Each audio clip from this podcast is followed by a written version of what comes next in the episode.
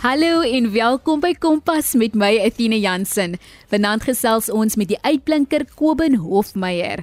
Jy is ook welkom om jou prestasies net hier by Kompas te deel. Laat weet my of jy enige akademiese, sport of kunstoekennings hierdie jaar ontvang het op die SMS lyn 45889 Of jy kan op Twitter gaan. Tweet ons by ZARSG en gebruik jy hitsmerk Kompas. Ons is ook beskikbaar op die DSTV se audiokanaal 813.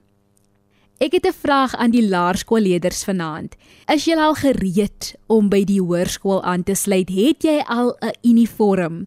Toe ek nou so terugdink aan my graad 8 jaar, is ons skool bekend as die Leeu's, maar die graad 8s was bekend as die Welpies. So, ons moes toe as Welpies aantrek, letterlik 'n stert gemaak het.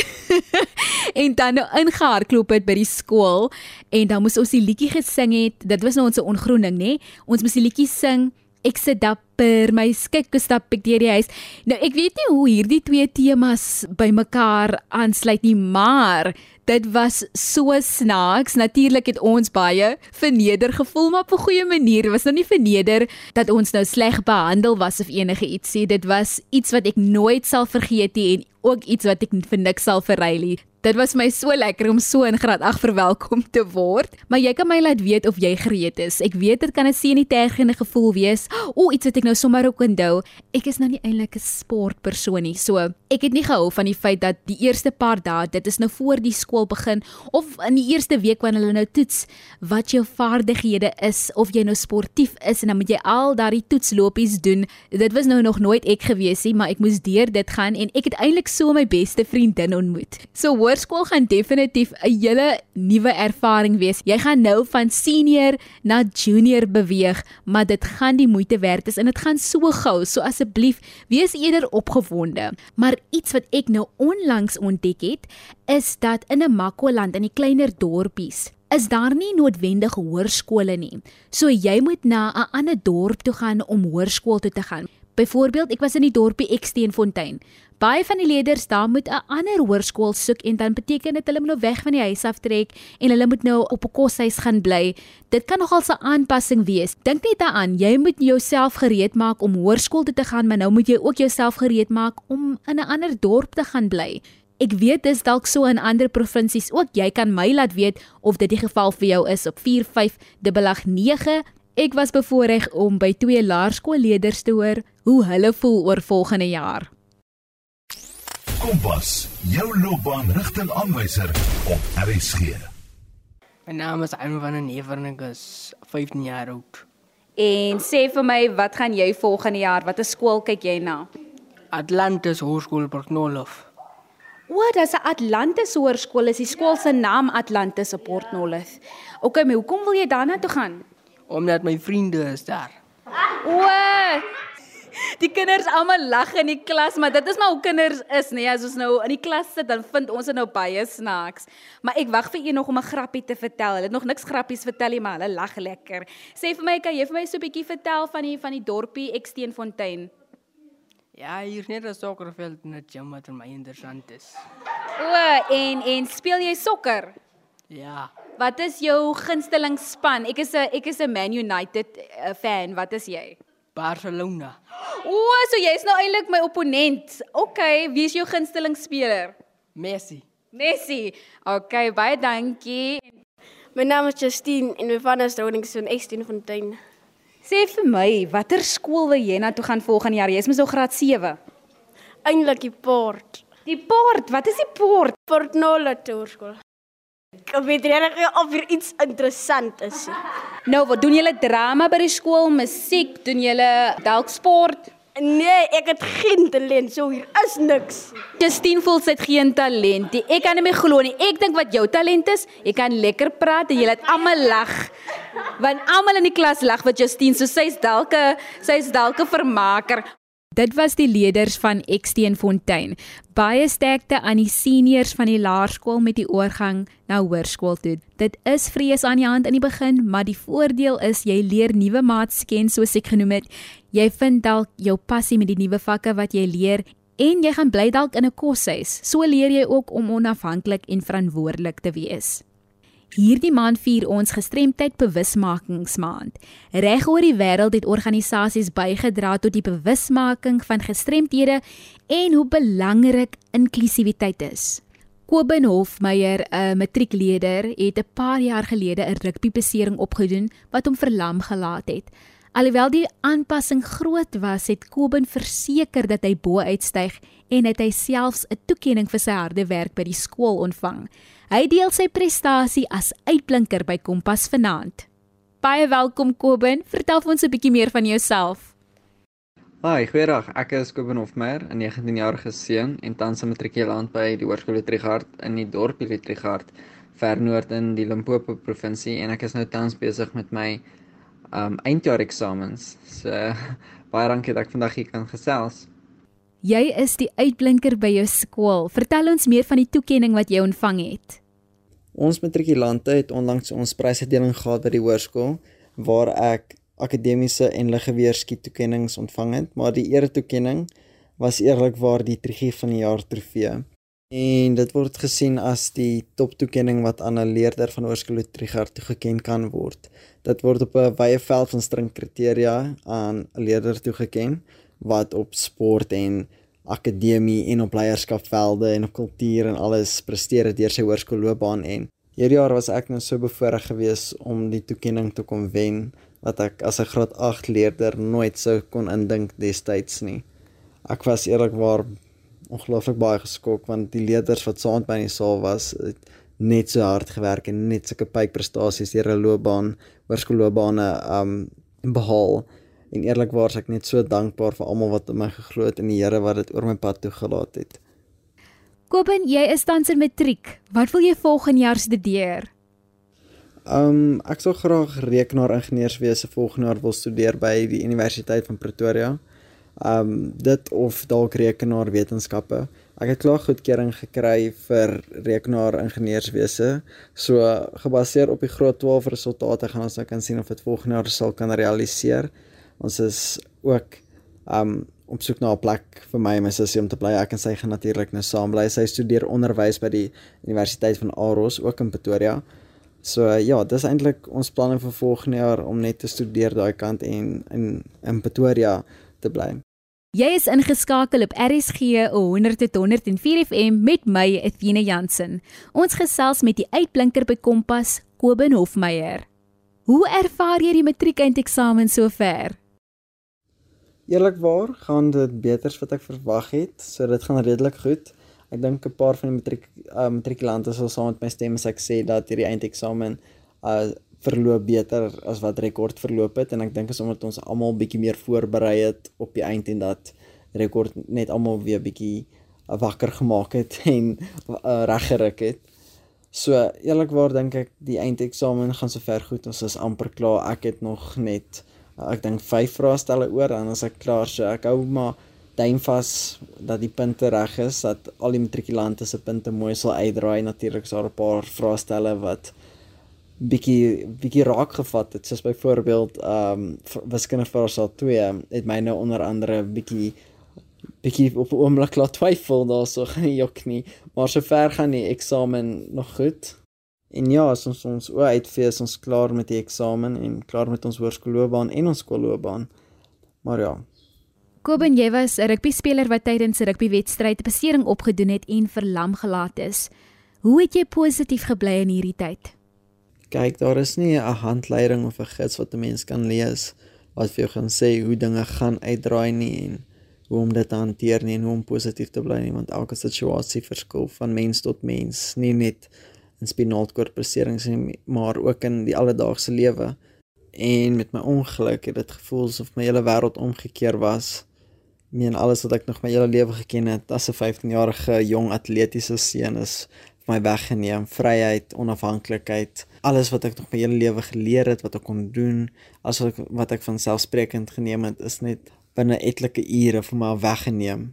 En in die afsterwe van 'n lewe wat ek nog my hele lewe geken het, het gevoel asof my my my lewe tot 'n einde toe gekom het en die feit dat ek daardie volgende oggend uit die teaterkamer wakker geword het, het my laat besef dit is eintlik teenoorgestelde daarvan.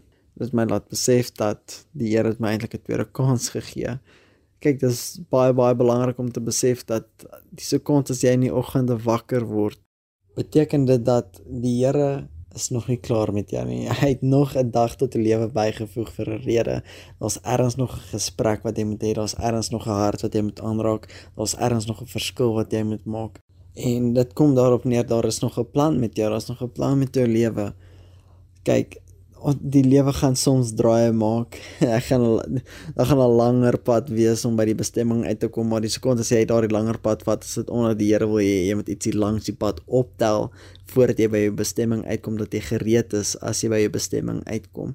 En my ondersteuning wat ek ontvang het vir my gesin en vir my vriende en vir my familie en vir my geliefdes is die grootste grootste sleutel tot my sukses gewees want dit was hulle wat vir my gesê het die Here het 'n plan met jou. Dis hulle wat vir my gesê het ken jou krag, weet vir wat jy werk, kyk hoe ver jy gekom. Dis hulle wat my laat besef het kom en jy het nou te ver gekom om op te gee. Ek meen my ouers het heeltemal te hard gewerk vir my om nou op te gee om vir my om nou toe in te gooi.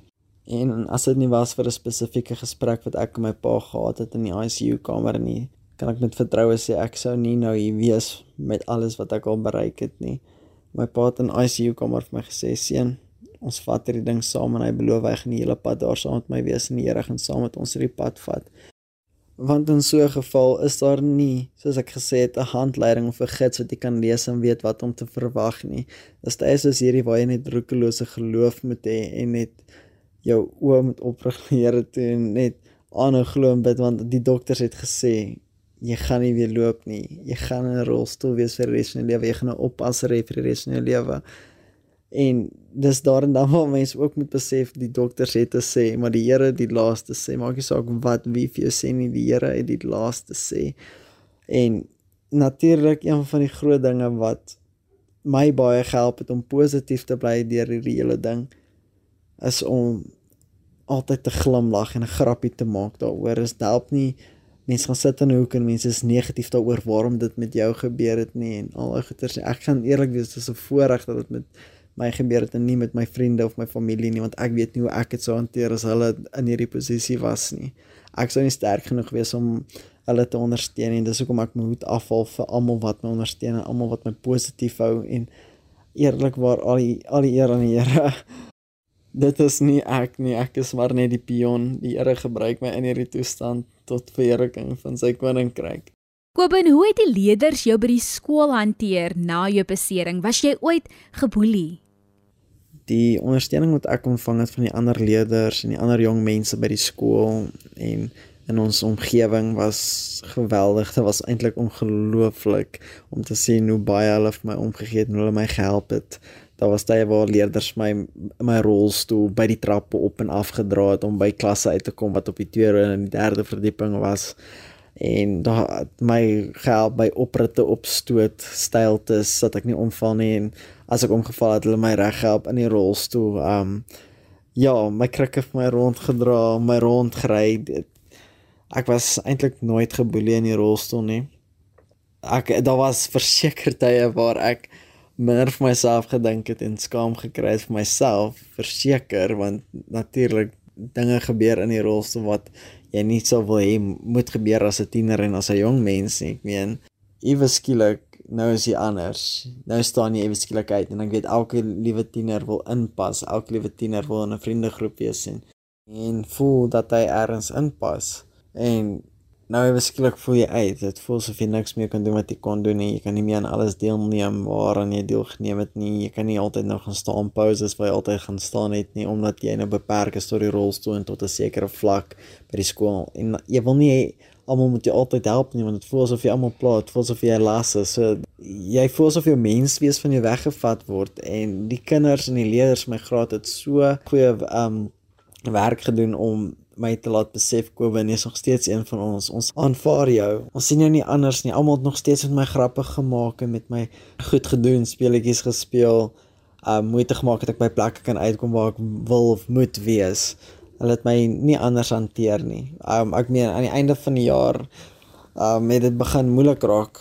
Um want die leerders moet begin werk op hulle skool, op hulle op op hulle klasse en hulle is besig om klastyd te mis as hulle my help. So dit die ondersteuning het later aan begin minder word.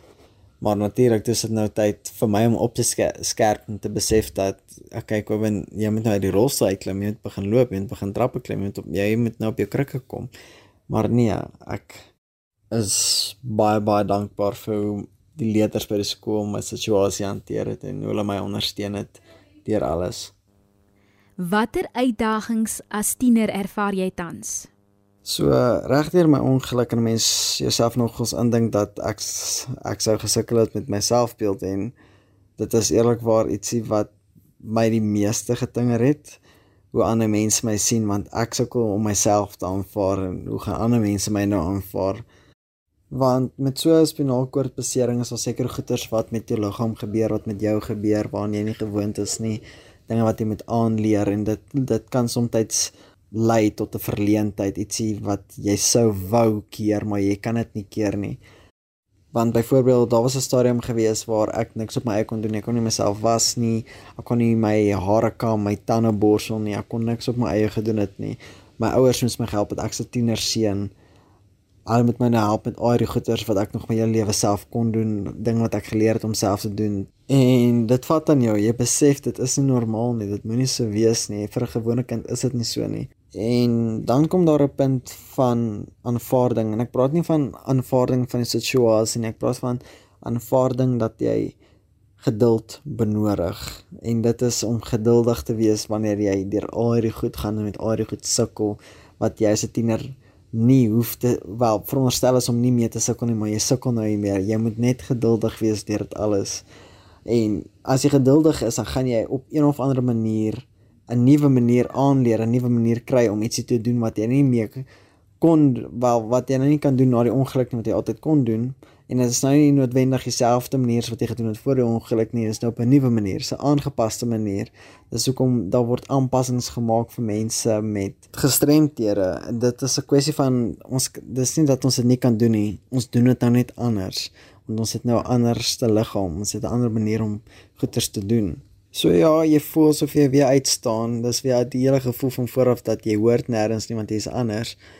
Maar vir my het ek iemand ontmoet in my lewe, 'n dierbare mens wat my aanvaar het, my liefgemaak vir myself en dis ietsie wat ek nie eens kon doen nie en dit is iemand wat my so goed verstaan om dit te kon regkry en dit in my lewe te laat gebeur dat ek nou besef ek okay, wel hierdie persoon wat ek is is 'n persoon wat goed genoeg is vir vir haar en dis so belangrik om te besef dat al sukkel jy met jou lewe as 'n tiener nou die persoon wie jy nou is, is die perfekte persoon vir iemand wat nog vir jou wag. Jy moet dan of hom of haar net nog gaan kry en haar vind want die Here het 'n persoon vir jou.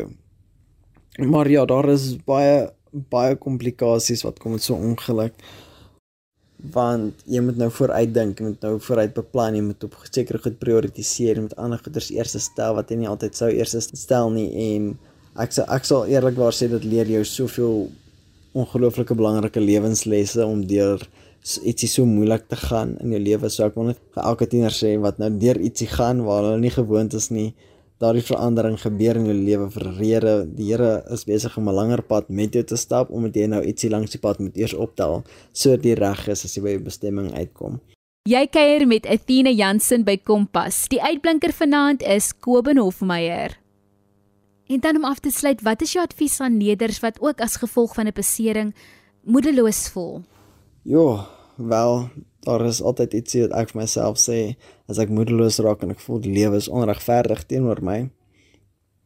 Of dit nou is vir my besering of my omstandighede wat ook al die komplikasie mag wees is dat as jy ooit die, die geleentheid gehad het om te sê dat die lewe onregverdig is, was jy bevoorreg genoeg om eene te hê die feit dat jy vanoggend wakker geword het bevestig net dat die Here nog nie klaar is met jou nie. Daar is verandering op pad. Daar is ietsie op pad wat jy nie van weet nie en ek ek ek, ek dink dat een van die beste goeders wat die die Here kan vra as jy in so 'n situasie is, is om net in jou gebed vir die Here te vra, verras my want die Here weet wat goed is vir jou. Dit mag dalk nie op jou lysie wees van wat jy dink is nou die beste vir jou nie, maar die Here weet dit is die beste vir jou. Hy weet hierdie draai wat nou links gaan is die draai wat jy moet vat en jy moet daai draai vat want dit is wat die beste vir jou is.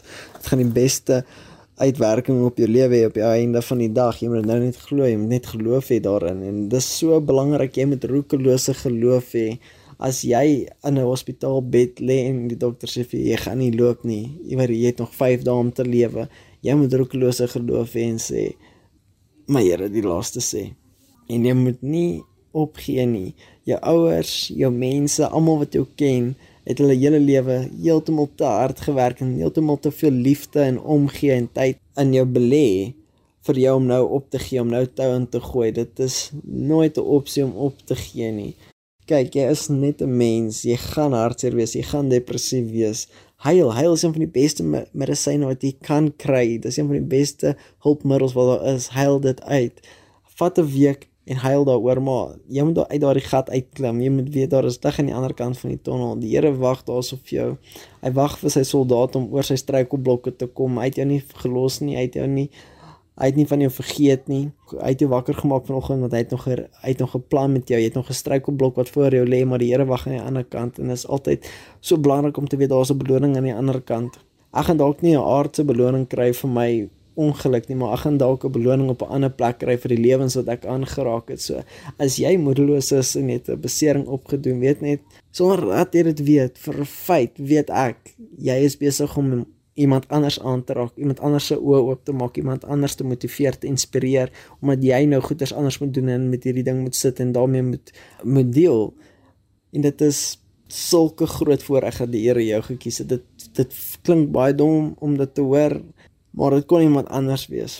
En jy mag dalk dink hoekom was dit iemand anders? As dit iemand anders was, dalk het jy nie die tweede kans gekry nie.